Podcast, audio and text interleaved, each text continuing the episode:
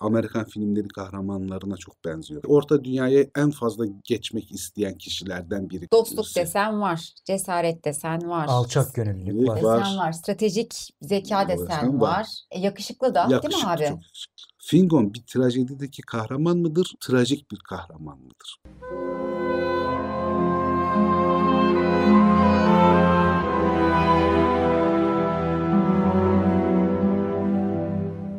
Merhaba Zafer abi. Merhaba Dilek. Merhaba patron. Merhaba Dilek. Zafer abi bu benim ses cihazımın hep pillerini daha az koyuyor ki daha az konuşayım diye. Hemen Sesini bitsin. alçaltmak için yapıyor olabilir belki. Daha az güçle daha az ses alınıyorsa belki. Abi bilmiyorum. seviyeleri düşürüyor zaten. Bak bakıyorum benimki %39'da görünüyor. Seninki %80. Bayağı fark varmış. Düşün. Benim sesimi kesmeye çalışıyor. Sesini kesmeye çalışması boşa bence. Yani senin sesini kesemezsin. Daha yüksek sesle konuşurum. Olur biter yani. Yo sen normal konuş. Zafer abi karakterler serimize devam ediyoruz. Bugün yine aynı ailenin, Aynı ailenin. Feanor ailesinin. Feanor ailesinin isimlerini bolca karıştırdığımız grubun içinden Evet. birini işliyoruz. Feanor'u işledik. Feanoroğullarını işledik. Fingolfin'i işledik. Dik. Şimdi de Gilgalad'ın babası, kuzeni Maedros'un kankası Noldor Yüksek Kralı Fingolfin'in oğlu Yiğit Fingon'u işliyoruz. Burada baştan söyleyelim hemen altına yazarlar. Çünkü Silmarillion'da Gilgalad'ın babası diye yazıyor Christopher Tolkien ama daha sonra onu düzeltiyor. Diyor ki o Fingolfin çocuksuz ve evli değil olacak diyor. Hmm. Vazgeçiyor o fikirden ama basılmış Silmarillion'da senin dediğin gibi Gilgalad'ın babası olarak gözüküyor. Hemen bunu da düzeltmiş olduk. Yani düzelttik mi? Düzeltme mi Yok oldu? o şey yani daha sonradan Christopher Tolkien tarafından karar veriliyor. Yani babamın daha önceki notlarına falan bakarak hani soyunun Fingon'a dayanmaması daha doğru geldi diyor. Yani.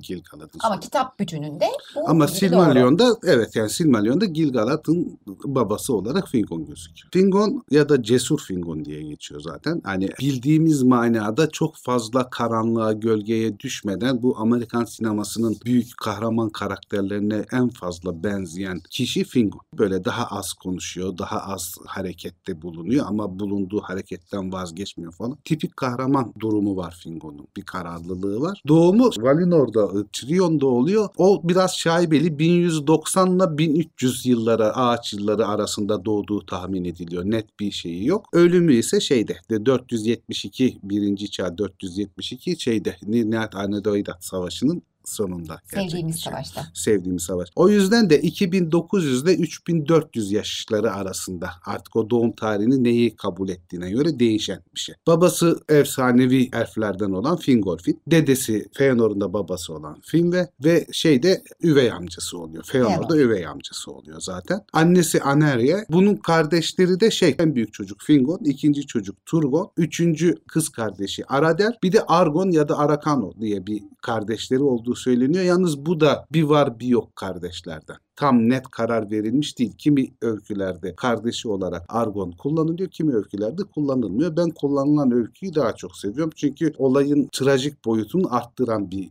öneme sahip oluyor Argon'un olması. Fingon ta başından beri Maedros'la çok iyi arkadaş. İkisi beraber büyüyorlar. Çok iyi dostlukları var Valinor'dayken de. Bu Noldor hikayesi yani bir göç etme, yemin falan muhabbetinde ya da Feanor'un ilk böyle isyan söylemlerinde falan Orta Dünya'ya en fazla geçmek isteyen kişilerden biri Galadriel gibi, Feanor ve Feanor'un çocukları gibi Orta Dünya'ya geçmek ve orada şansını denemek, orada direkt tanrıların yanında olmayıp kendi kararlarını vererek yaşamak isteyenlerden biri. Hatta şey oluyor, babası Fingolfin bile Turgon ve Fingon'un çok ısrarlı Orta Dünya'ya geçme hevesini kırmamak için, evlatlarından ayrılmamak için de kabul ediyor. Yoksa Fingolfin de o kadar hevesli değil aslında Feanor'un peşine takılıp gitmeye. İşte ağaçların Melkor ve Ungoliant tarafından yok edilmesi, ondan sonra da Feanor'un isyan çağrısı ve yola çıkmalarıyla beraber babasıyla beraber Feanor öndeki grup, Feanor ve Feanor'un çocukları Noldor, ilk hareket eden Noldor. Onların peşinden ayrı bir ve daha büyük, daha kalabalık bir kitle olarak Fingon ve babası Fingolfin'in yönetimindeki şey, e, grup devam ediyor Orta Dünya'ya geçmek için. Birinci akraba katliamına Feanor'la Teleri savaşı başladıktan sonra geliyorlar ve bir savaş olduğunu görünce sorgulamıyorlar ve savaşa dahil oluyorlar. Sadece Feanor olsaydı Teleri zaten Feanor kuvvetlerini yeniyor aslında. Ama bunlar gelip yetişmesiyle ve akraba katliamı denilen o savaşa katılmasıyla beraber Telleri kaybediyor. Gemiler bir kısmına el konulabiliyor. Çünkü Telleri gemilerinde bir kısmını bunlara vermektense yakmayı tercih ediyor. Yani herkesi alabilecek kadar gemi kalmıyor. Hepsi gemiye binemiyor. Feanor orada kurnazlık yapıyor işte. Kendi adamlarını birebir çok güvendiği adamlarını gemilere yerleştiriyor ve kendileri gemiyle devam etmeye başlıyorlar. Fingolfin ve Finarfin'in tayfası Fingon dahil kıyıdan devam ediyorlar. Bu bir çakallığın sonucunda oluyor yani. Yani o planlamasını yapmış Feanor. Zaten hoşlanmıyor Feanor pek ne üvey kardeşlerine ne de üvey kardeşinin çocuklarından çok şey değil. Yakın bulmuyor. O çok böyle çekirdek ailesini seviyor. Babasını ve kendi öz çocuklarına güveniyor. Onun haricindeki kimseye pek güvenmiyor. Öyle bir septik durumu var. Hı hı. Gemilerle Feanor ve Feanor'un halkı çocuklarının olduğu şeyler gemilerle kuzeye doğru ilerlerken Fingolfin, Finarfin ve e, Fingon'un halkı da kıyıdan kuzeye doğru ilerliyorlar. Yalnız şeyde işte Feanor bunları bırakıp gemilerle Orta Dünya'ya geçtiğinde onlar diğer tarafta bekliyorlar. Gemiler geri gönderilecek. Onlar da gemilerle karşıya Orta Dünya'ya geçmeye devam edecekler diye düşünüyorlar. Bu sefer Feanor diyor ki yani sürekli mızırdayıp duruyorlar. İnançları tam değil. Bunlar gelmesin. Gemileri yakma kararını veriyor ve orada ilk kez cesur Fingon lafını kullanıyor. Maedros. Çünkü diyor ki yani o gemileri göndermiyor muyuz? En azından şeyi almamız lazım. Fingon'u almamız lazım falan diye. Hayır ben kimseyi istemiyorum. Onlara ihtiyacım yok deyince de gemilerin yakılması olayına Maedros Fingon yüzünden katılmaz ve onaylamaz. Gemilerin yandığını görünce orada bir umutsuzluğa falan düşülüyor ama Galadriel, Fingon, Turgon şey yapıyorlar. Yani biz artık geri dönemeyiz. Bizim de Orta Dünya'ya gitmemiz lazım. Bunun yolu Helcarax'eden dolanmaksa bunu yapacağız diye ısrar edince Finarfin geri dönüyor ama Fingolfin dahil Helcarax'eden devam ediyorlar. Ama orada işte büyük kayıplara falan uğruyorlar. Yani çok ciddi eziyetler falan çekiliyor. Çok zorlanıyorlar falan. Bu sırada da Feanor'un oğulları şeye Hitlum bölgesinde Mithril Gölü'nün oraya yerleşmişler. Hatta Yıldızlar altındaki savaşı da yapmışlar ve savaşı da kazanmışlar Ork kuvvetlerine karşı. Ama savaş sonrası Melkor'un tufasıyla Silmarilleri alabileceklerini zannedip Feanor da ölüyor tabii. Maedros şeyle Melkor'la konuşmaya gidince kendi götürdüğü kuvvetten çok daha kuvvetli bir şekilde Morgoth'un kuvvetleri geliyor. Diğer herkesi öldürüyorlar. Sadece Maedros'u alıyor ve işkence olsun diye bileğinden Tangorothrim'in o sarp uçurum gibi duvarlarına asıyor bunu. Orada trajik bir durum oluyor. Bu Fingolfin'in tayfası, Fingon falan hep beraber gelince onlar da hemen hemen aynı yoldan devam ediyorlar. Ve orada ilk ayın yükselişiyle beraber geldikleri söyleniyor. Ağaçlardan sonra ayın ve güneşin yapıldığı süreç tamamlanıyor o seyahat. Helcarax'e geçişi mi? Helcarax'den geçip Orta Dünya'ya girerken zaman ay aylar yükselmiş. ay da yansımaya başlıyor. Artık yeni bir ışık kaynakları falan da var. Hatta bunun bir tesadüf değil de tanrısal İşaret bir mi? işaret olduğunu. Şey yapayım, mukallalık yapayım burada. Güney Amerika Yakuyi Kızılderilileri bu tür durumlara Yora diyorlar. Kendileri. Yora. Yora. Yani bir şey oluyor mesela burada sohbet ediyoruz. Çok kötü şeyler olacak falan diyorum ben sana. Sen de olur mu abi falan diyorsun ama elin kahve bardağına çarpıyor döküyorsun mesela. Hı. Ben sana demiştim bak bir Yora oldu diyorum mesela. Böyle bir tanrısal işaret olmadık bir şey gibi. Orada ayın doğuşu da öyle. Bizim de var biraz böyle geleneklerde böyle şeyler. Var. Ya şey bu mitler öyle ya da böyle birbirine bağlanıyor. Bağımsız mitler yok. İşin içine tek tanrılı dinler girmeden önceki pagan inanışlarda bütün yani Güney Amerika, Kızılderililer, Afrika, işte Hindistan, Çin, Orta Doğu, Mezopotamya, Avrupa hepsi birbirine bağlanıyor. Yani inanılmaz ortak şeyleri var, hikayeleri var hemen hepsinde yani. Çok güldük, ağlayacağız muhabbeti. yani çok Mesela bizde başka yerde var mı bilmiyorum da hiç duymadım ben. Başka Ben de bilmiyorum. Yani o doğu toplumlarında vardır herhalde o olsa da hani bizim Evet. daha doğumuzda Mezopotamya'da. Batıda olduğunu zannetmiyorum. Onu Bu- zaten biraz yumuşatıp şey yaptılar ya abi. Yani modern zamanda şeye geçirdiler onu. Visual thinking diyorlar. Wishful thinking. Yani olmasını istediği bir şeyi söyleyerek onu çağırmak gibi bir anlama getiriyorlar. O artık yumuşamış hali. Yumuşamış Yoranın hali. Yoranın yumuşak hali. Her şey olacağına varmaz mı? Bak evet tamam. Aldı yürüdü buradan abi şimdi. Yani olacak olan olur.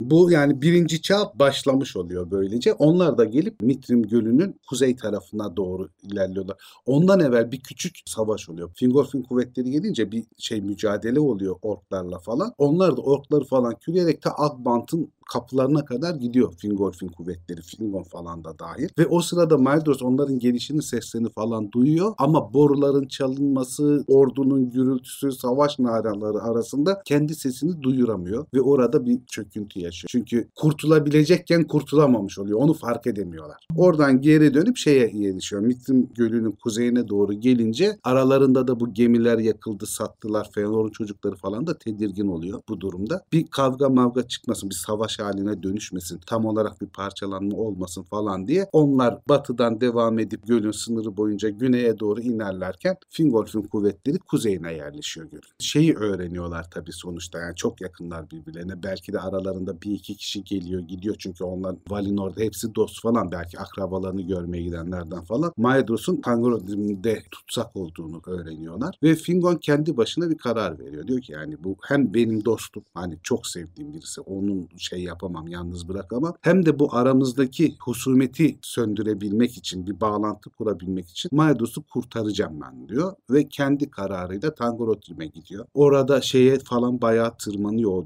inanılmaz tırmanılmaz denilen yerlere. Arıyor arıyor bulamıyor. En sonunda umutsuzluk içinde oturuyor ve lirini çıkartıyor ve bir şarkı söylemeye başlıyor. Maedros'la Valinor'da söyledikleri şarkıyı söylemeye başlıyor. Bu şarkıyı duyan Maedros da kendisi şarkıya cevap veriyor. Ama şeyde böyle sarp bir yere bileğinden zincirlediği için ne yapsa da erişemiyor. Tırmanacak bir şey yok. Yani onun yanına ulaşabileceği bir şey yok. Bunu görünce şey yapıyor Maedros. Kendisini öldürmesi bu işkenceden kurtarması için Fingon'a yalvarıyor. Fingon'un şeyi silahı kılıç değil oktur. Yani asıl temel silah oktur. Suvari okçusudur Fingon. Fingon da mantıklı buluyor bunu. Ulaşamayacağını da anlıyor falan. Okunu geriyor ve şeye dua ediyor Manve'ye. Lütfen bu okun hızını arttır ve acısız bir şekilde kuzenimin canını al falan diye. Yalnız oku bırakmadan evvel Kartalların kralı Torondor geliyor. Omuzlarından pençeleriyle tutup Fingon'u Maedos'un yanına çıkartıyor. Ve orada demiri kesmeye uğraşıyor. Bağlı olduğu demiri. Yalnız Melkor özel büyülerle yaptığı bir şey kelepçe o. O yüzden de kendi silahlarıyla demiri ne yerinden sökebiliyor ne demiri kesebiliyor. Çok uğraşıyor. O zaman bir kere daha yalvarıyor Maedros. Diyor ki yani yapacak bir şey yok. Beni öldür. Bu acıma son ver. Öte dünyada da Mandos alanlarında sana şükredeyim. Fingon bence daha akıllıca davranıyor. Ve bileğinden yani şeyin kelepçenin altındaki yerden elini kesiyor. Onu o şekilde kurtarmış oluyor ve Torondor'un yardımıyla da tekrar Mitrim Gölü'nün oraya dönüyorlar. Tabi bu kurtarılma hikayesini falan öğrenince artık aralarında büyük bir husumet falan kalmamış oluyor. Şey yumuşamış oluyor. Kin duyguları falan. Tekrar bir araya geliyor iki Noldor soyu. Beraber sohbet falan ederken Maedros da orada bilgeliğini gösteriyor. Feanor'dan sonra Noldor'un yüce kralı en büyük oğlu olarak Maedros olacakken diyor ki yani bu bana yakışmıyor artık. Çünkü amcam burada, Fingolfin burada ve o benden daha layık. O yüzden de Noldor'un yüce krallığı Fingolfin hanedanına geçmeli Feanor hanedanından diyor. Ve o şekilde de temelli aralarındaki husumet hallolmuş oluyor. Abi bir şey soracağım şimdi. Yani normalde zaten Feanor karar veriyor ya. Ya ben geçeceğim, yakacağım gemileri diyor. Ama aslında orada Tufa'ya gelen Fingon'un tayfa. Ona rağmen çok büyük alçak gönüllükle ya bu husumet olmasın da yine giden bizden gitsin Evet. diye bir tavır değil mi Evet, bu? Yani evet. çok büyük alçak gönüllülük var burada. Ya onlar daha şey mantıklılar yani. Finalfin'de, Fingolfin'de ve onların çocukları Feanor çocuklarından ve Feanor'dan daha soğukkanlılar. Daha oluruna bakıyorlar işte. Maedros istisna. Maedros da o dönem içinde yani son ölmeden önceki zamana kadar Maedros da şeydir. e, diplomatiktir ve soğukkanlıdır. Ama diğer çocukları şeydir yani sorunludur. Onlar çok düz bakarlar. Yani biz yemin ettik yapacağız. Kimseye eyvallahımız yok. İşte krallık bizde kalmalı falan gibi tavırları olan kişiler. Bir de dostluk ilişkileri de var Fingon'la Maedros'un Tabii bir de çok arasında. yakınlar hani bayağı birbirleri için hayatlarını tehlikeye atacak ya da Maedros da babasının lafını dinlemeyip Fingon orada kalacak diye gemilerin yakılmasına karşı çıkıyor ama gücü yetmiyor tabii hani. Yani şey gibi yapıyor değil mi abi? Yani sana bir tokat atır öbür yanağını uzat Evet durum yanağını yapıyor uzat aslında. gibi bir durum. Yani onlar sürekli alttan almış oluyorlar. Yani Evet. şey yapmıyorlar. Sorun çıkarttırmıyorlar. Yedinci yıla geldiğimizde birinci çağda Maedros kardeşlerini falan tam olarak denetleyemeyeceğini falan da anlayınca bu arada diyor bu çevrede çok yakın olacağımıza biz Doğu Beleriyant'a doğru geçelim. Oralarda yerleşimimizi kuralım. Hem aramızda da böyle yeniden bir kan dökme falan durumu olmasın diye düşünüyor. Ve kendi kardeşleriyle beraber işte Feanor'un çocuklarının anlattığımız gibi Doğu Beleriyant'ta yerleşimlerini kuruyorlar. Fingon Dorlomin bölgesinin efendisi oluyor. Babası Fingolfin tüm Hittum'un efendisi oluyor. Küçük kardeşi Turgon da Nevras'ta yerleşiyor. Gondolin yapılıp oraya geçene kadar Nevras bölgesinde. Kuzeyin savunması da bu aileye kalmış oluyor böylece. Görkemli savaş denilen Dagor Aglarep'te gene elf kuvvetleri savaşı kazanıyorlar. Agbant kuşatması denilen kuşatma başlamış oluyor. Yani Agbant bir çevriliyor. Sanki Melkor oraya kıstırmışlarmış gibi bir dönem oluyor. Tetikte barış süreci deniliyor. Hı. Yani her an bozulabilir Hı. ama şu anlık bir barış söz konusu. Şu an için barış devam ediyor. Biz iyi konumdayız. Kendi mevzilerimizi kollayabiliyoruz. 155'te bir Morgoth gene bir şansını deniyor. Arkadan Drengi Salicinden dolandırıp bir ork kuvveti gönderiyor. Fingon onlarla savaşıyor ve mutlak bir galibiyet kazanıyor. Bu büyük savaşlardan geçmediği için Beleriand savaşları olarak bilinmez. Küçük bir bölgesel çatışma olarak geçiyor. Ama şey yapıyor. Burada Melkor bir stratejik bilgi elde etmiş oluyor. Sadece ork kuvvetleriyle elflerle baş edemeyeceğini anlamış oluyor. Hmm, bak bu çok önemli. Yani bu çok önemli bir bilgi Melkor açısından. Diyor ki yani sadece orklar yaratarak, orklar üreterek falan bu adamları yenemem ben. Başka bir şeyler denemeliyim. Bu durumda vazgeçiyor mu? Hayır. Başka Hayır, bir şeyler Başka bir şeyler. Azimli bir arkadaş.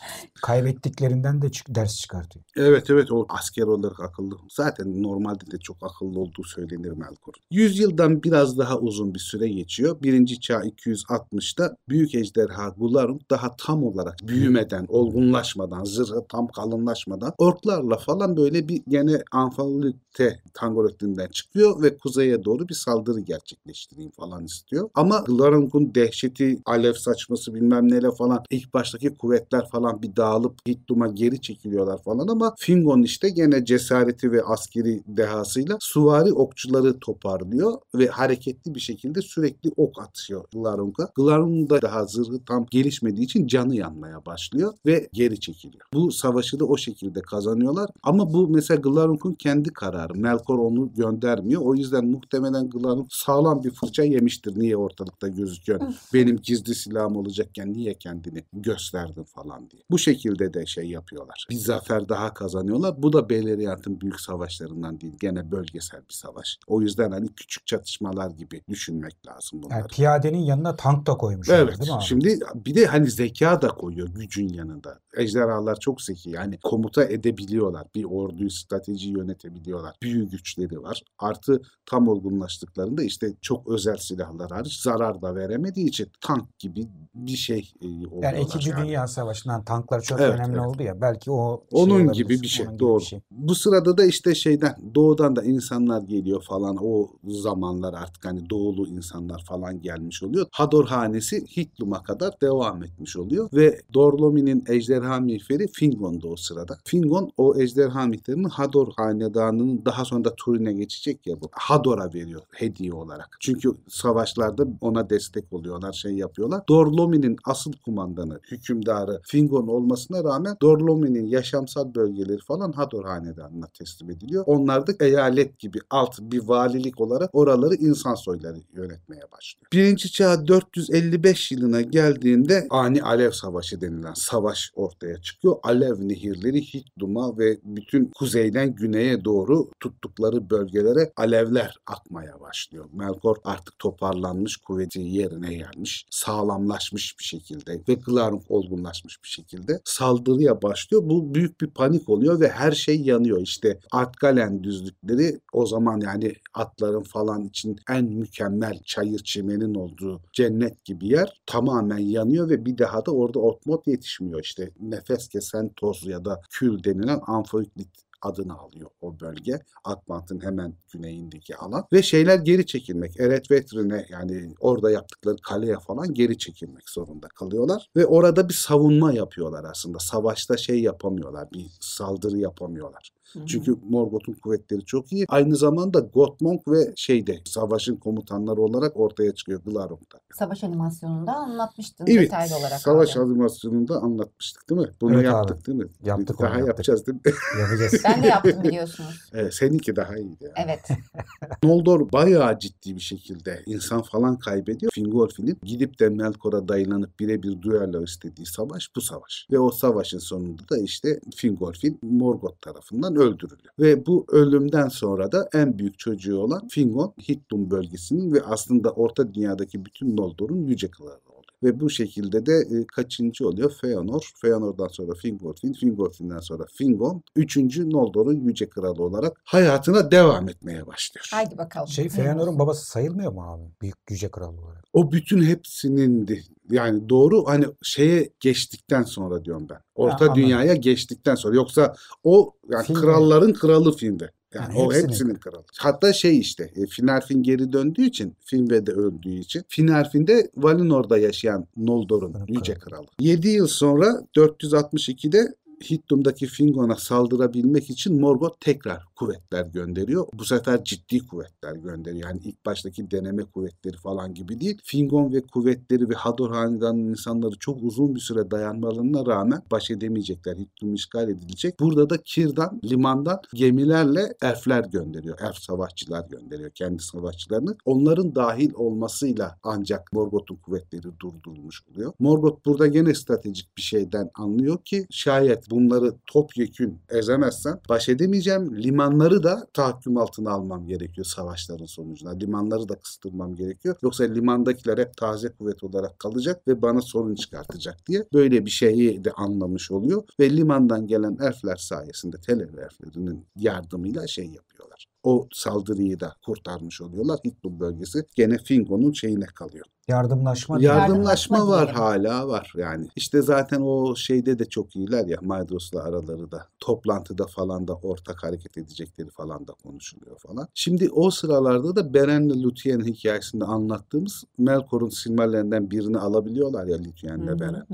Maedros'la Fingon aynı şeyi düşünüyor. Diyor ki yani demek ki Morgoth ulaşılamaz, yok edilemez değil. Yani biz birlik olabilirsek insanlar da katıldı aramıza artık. İnsanların gücüyle, bizim kendi gücümüzle, iyi bir savaş taktiğiyle Morgoth'u yenebiliriz ve temelli kurtulabiliriz bu şeyden falan diye. Bu fikir aslında Maedros'un fikri olmasına rağmen Fingon'un da aklına yatıyor. Çünkü onların aralarında uzak mesafelerde olsalar da hala iletişim söz konusu tabii. Bu sırada da Turgon Gondolin'i de yapılmış ve yerleşmiş o yıllar arasında. Ve şey diyorlar iyi bir savaş taktiğiyle yani Maedros ve kardeşleri bir kuvvet olarak ve insanlarla beraber tabii doğudan saldıracak. Biz işte Hitlum'daki kuvvetler olarak batıdan saldıracağız. Böylece şeyin kuvvetleri iki örs ve çekicin arasında kalacak. Bu şekilde onların ordularını yok edip Akmant'a yürüyüp Morgoth'u da oradan uzaklaştırabiliriz, savaşı kazanabiliriz falan diye düşünüyorlar. Teorik olarak doğru olsa da işte Melkor Doğu Dölle'nin bir kısmını kendi tarafına çektiği için insanları onlara cennet gibi topraklar, iyi bir yaşam vaat ederek haberleri yok bundan. Sauron eliyle yapıyor değil mi abi onu? Sauron'u gönderiyor. Sauron'u gönderiyor, konuşuyorlar falan. Yani işi bağlıyorlar savaş öncesi durumunda bağlanıyor. 472 yılı savaşın olacağı zaman ve bu savaşın adı Nihayet Arno Deirat.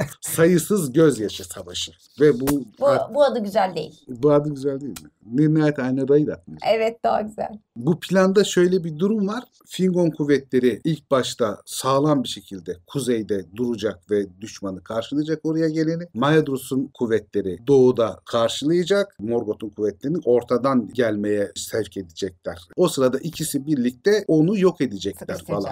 Ama şey yapılmıyor. Yani buna tam uyulamıyor. Çünkü haber vermek için bir ortadaki şeyde Sirion'un kaynaklarının olduğu yerde bir ateş yakılacak. Eret Gorgoroth'un hemen doğusunda. O ateşle artık hani biz buradan saldırıyoruz siz de doğudan gelin haberi olacak. O geciktiriliyor doğulu insanlar yüzünden. Morgoth çok akıllı bir şekilde Nargothrond'dan da şeyler geliyor. Bir 3-4 kişi geliyor. Nargothrond'dan gelen kişilerden birinin kardeşi de Morgoth'un elinde tutsak. Morgoth o planı bozabilmek için kardeşlerini oraya kadar gönderiyor orklarla beraber ve tam kardeşinin olduğu yerin karşısında kollarını, bacaklarını ve kafasını kesiyor Elfin. Ve bu sefer Gilraen olması lazım. Dayanamıyor böyle bir hakarete falan. Zamanından önce saldırıyor. Böyle olunca Fingon da şey yapamıyor. Onları yalnız bırakamıyor. Fingon da bu saldırıya dahil oluyor. Orada müthiş bir çarpışma oluyor. O sıralarda da hiç hesapta olmayan Turgon'un 10 bin askeriyle beraber gizli kent Gondolin'den çıkıp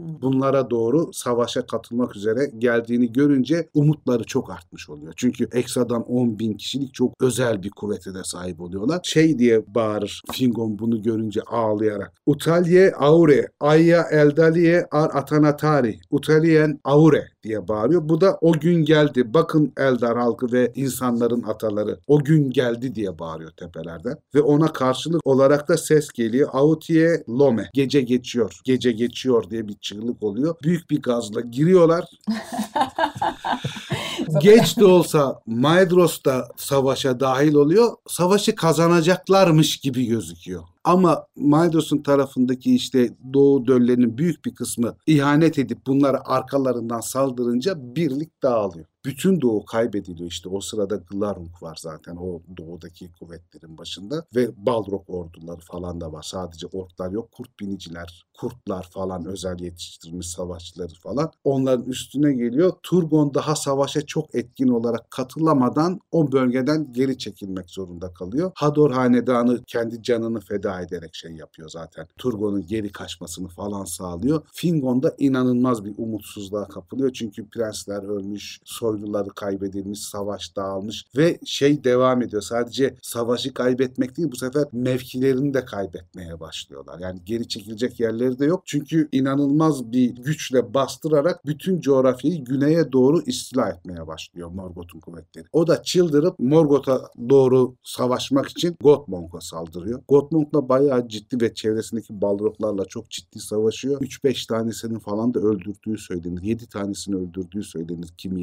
yerlerde. Ama bu net sayı mı yoksa şey mi bilmiyorum. Tevatür mü bilmiyorum. Çünkü kimi yerlerde böyle şeyler okudum. Kimi yerlerde sayı verilmiyor. Hangisi tam olarak nedir emin değilim ama birkaç Balrog öldürüyor. Gothmog tarafından öldürülüyor ama Gothmog'la da birebir savaşta kaybetmiyor. Onunla savaşıyor. Hala savaşabilecek gücü falan da var. Yalnız Balroglardan biri o ateşten kırbacıyla Hmm. arkadan ellerini bağlamış oluyor. Onunla çekip dizlerinin üstüne düşüyor. Yani Fingon. teke tek bir dövüş Teke değil. tek değil. Şeyde baltasını tam kafasının ortasına vuruyor Gothmog'da. Kafasının içine saplanıyor balta. Ve o sırada hiçbir zaman orta dünyada görülmemiş bir ışık beliriyor. Yani bir flash gibi ya da bir magnezyum çubuğunun yanması gibi bir şeyle Fingon orada ölmüş oluyor. Yalnız çok saygısızca davranıyorlar. Fingon'u kurtaracak, Fingolfin'i kurtaran bir kartal gibi bir kartal da yok. Balroglar ölüsünün üstüne üşüşüp artık yerdeki çamurla, kanla oluşmuş çamurla beraber onu homojen bir şekilde yapıştırana kadar çekişleriyle vuruyorlar bedenine ve yok oluyor hamur haline. Yazıklar olsun. Barbarlık bu ya. Fazlasıyla. Evet biraz vahşice bir şekilde ölüyor. Bu beşinci savaş Fingon'un ölümüyle sonuçlanıyor. Fingon'dan sonra Noldor'un yüce krallığı zaten gizli kentteki Turgon'a geçmiş oluyor. Babası gibi yiğit ya Fingon'da. Babası da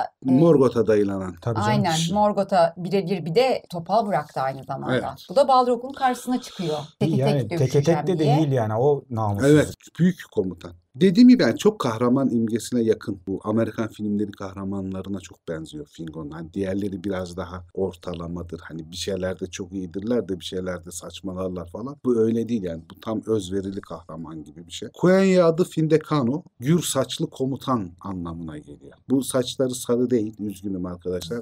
Saçları koyu renk. Gözler gri. Heybetli bir abimiz bu. Daha önce yazılmış hikayelerde adı değişik olarak. Yani 1920'lerde Finwek deniliyor Fingon yerine. Finwek adı çok fazla kullanılmıyor. Daha sonra bir vazgeçiliyor. Daha sonraki yazılan şeyde Quenta Silmarillion 1951 versiyonunda Fingon ve Turgon adları direkt olarak kullanılıyor. Fingon'a dönülmüş oluyor. 1930'larda Finbrand diye adı geçiyor. İşte Silmarillion'u hazırlarken Christopher Tolkien Gilgalad'ı bunun oğlu olarak kabul ediyor. Daha sonra bunun uygun olmadığını açıklıyor. Kardeşi işte Argon tam her karakterden geçip ilk ork kuvvetleriyle yaptıkları basit savaş sırasında ölüyor temel hikayeye göre. Ama o Argon da kardeşi de daha sonra çıkartılmış hikayeden. Ama bence o hikaye daha iyi çünkü kardeşini de kaybederek orta dünyaya girmiş oluyorlar. Böyle de bir trajedi de katıyor. Birinci çağ 472'de Ninert Arnedoyat'ta kaybedilen büyük insanlardan biri olarak ölüyor. Doğum tarihini hangisi olduğunu kabul ettiğine göre değişir ama yani 1190 diye kabul edersek doğum tarihini ağaçların yılları 3442 yaşında